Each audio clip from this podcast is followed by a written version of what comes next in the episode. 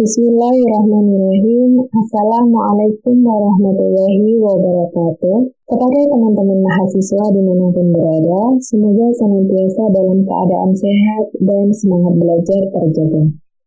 Pada kesempatan kali ini, topik pembahasan kita mengenai pengkodean. Namun, sebelum kita mulai belajar bersama, marilah kita membaca basmalah. Bismillahirrahmanirrahim. Teman-teman mahasiswa, dalam penelitian kualitatif, data coding atau pengkodean data memegang peranan penting dalam proses analisis data. Hal tersebut juga dapat menentukan kualitas abstraksi data hasil penelitian. Coding bisa dilakukan secara manual atau menggunakan software analisis data kualitatif seperti Atlas TI atau NVivo.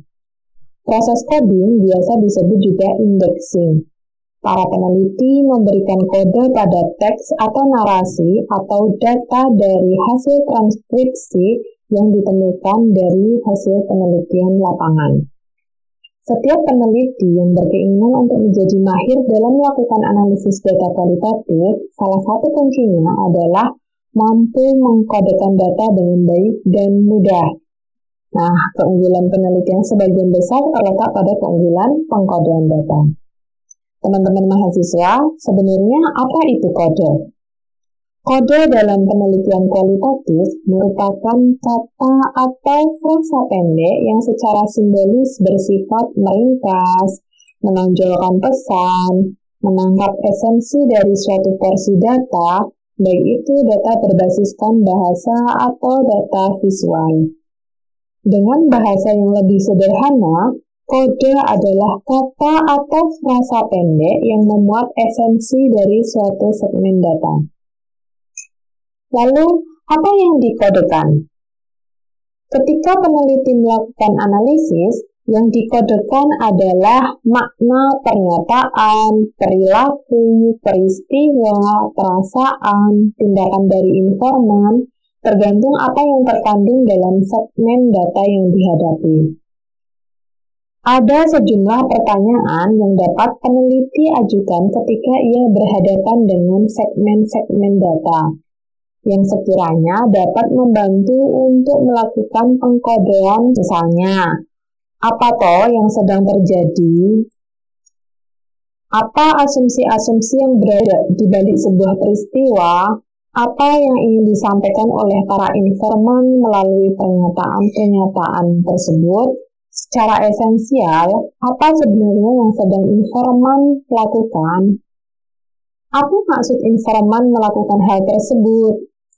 Apa makna peristiwa tersebut dan perasaan apa yang tercermin lewat pernyataan-pernyataan informan tersebut? Nah, Pertanyaan-pertanyaan tersebut hanyalah sebagian kecil pertanyaan yang dapat membantu peneliti dalam melakukan pengkodean terhadap pernyataan, perilaku, perasaan, tindakan dari informan yang dijumpainya dalam segmen-segmen data.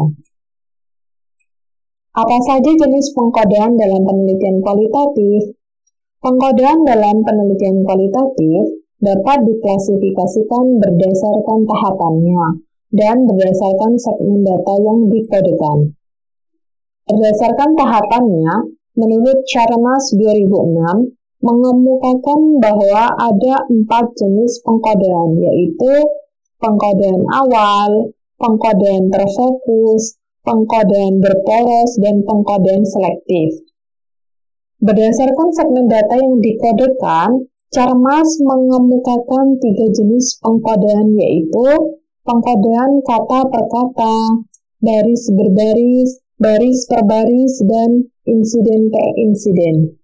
Pembahasan mengenai jenis-jenis pengkodean dalam penelitian kualitatif secara lebih komprehensif dipaparkan oleh Saldana. Ia mengatakan bahwa pengkodean bukan merupakan suatu proses yang linear, melainkan suatu proses yang siklikal, selalu berputar, ia membagi proses pengkodean ke dalam dua tahap, yaitu siklus pertama pengkodean dan siklus kedua pengkodean. Teman-teman mahasiswa yang semoga senantiasa terjaga semangatnya untuk belajar, itulah tadi penjelasan singkat mengenai pengkodean. Saya kira cukup sekian. Banyak kesalahan dalam menyampaikan saya mohon maaf. Marilah kita akhiri dengan bacaan tahmid bersama. Alhamdulillahirrabbilalamin. Sekian dari saya. Wassalamualaikum warahmatullahi wabarakatuh.